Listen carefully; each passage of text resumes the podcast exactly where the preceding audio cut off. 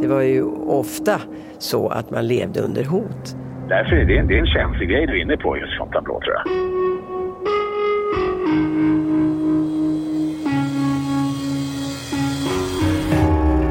Som stockholmare då och som driver restaurang på Regeringsgatan så är det så här ganska... Vi blev kontaktade av en lyssnare. Fan, det är en ganska dramatisk händelse att de spränger en hel jävla...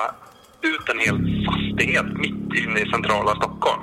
Ja, ni har rätt. Det är Niklas Ekstedt. Han som dels är tv-kock, dels krögare i Stockholm och... Dels är jag en stor fan av eh, spår. Niklas Ekstedt hörde av sig med ett fall som han tyckte att spår borde bena ut. Alltså bara, okej, okay, så Norrlandsgatan, det är precis eh, min parallellgata till där jag driver restaurang.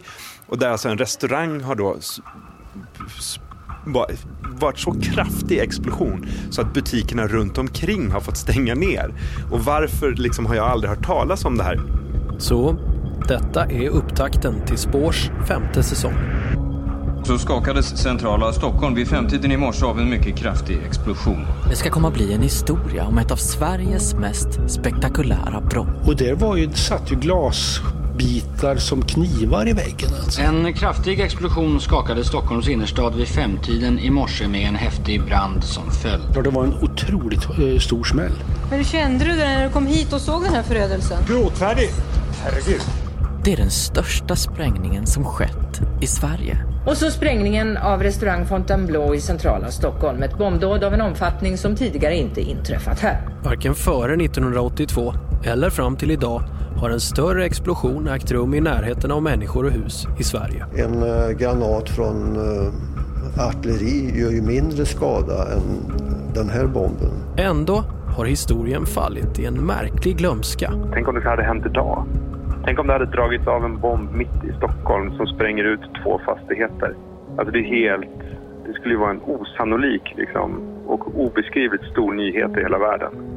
Spår nystar i en gammal härva med många lösa trådar. Det var en väldigt, så mycket mystik kring varför undre, var, var det här undervärlden en uppgörelse inom undre världen eller var nattklubbsägarna utsatta för någon utpressning?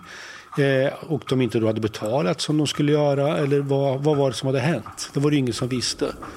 Och sedan kom ju då den sensationella vändningen när de ägarna själva blev gripna och, och häktade. I morse gick affären in i en ny fas. Då anhölls de båda restaurangägarna.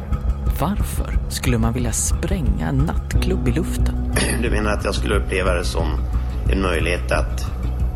Jag förstår inte frågan riktigt hur du menar. Vad hände egentligen med de två ägarna? De som gick under namnet Dubbelakademikerna. Ja, det är så länge sedan. Lever någon av dem som ägde det stället? Och hur kommer det sig att fallet fortfarande är olöst? Attentatet mot restaurangen är fortfarande ett mysterium för polisen. Spår, säsong 5. Sprängningen av Fontainebleau. En historia om ett olöst brott. Premiär på Acast den 6 juni. Ladda ner Acast-appen och följ oss för kommande avsnitt och för att ta del av extra material.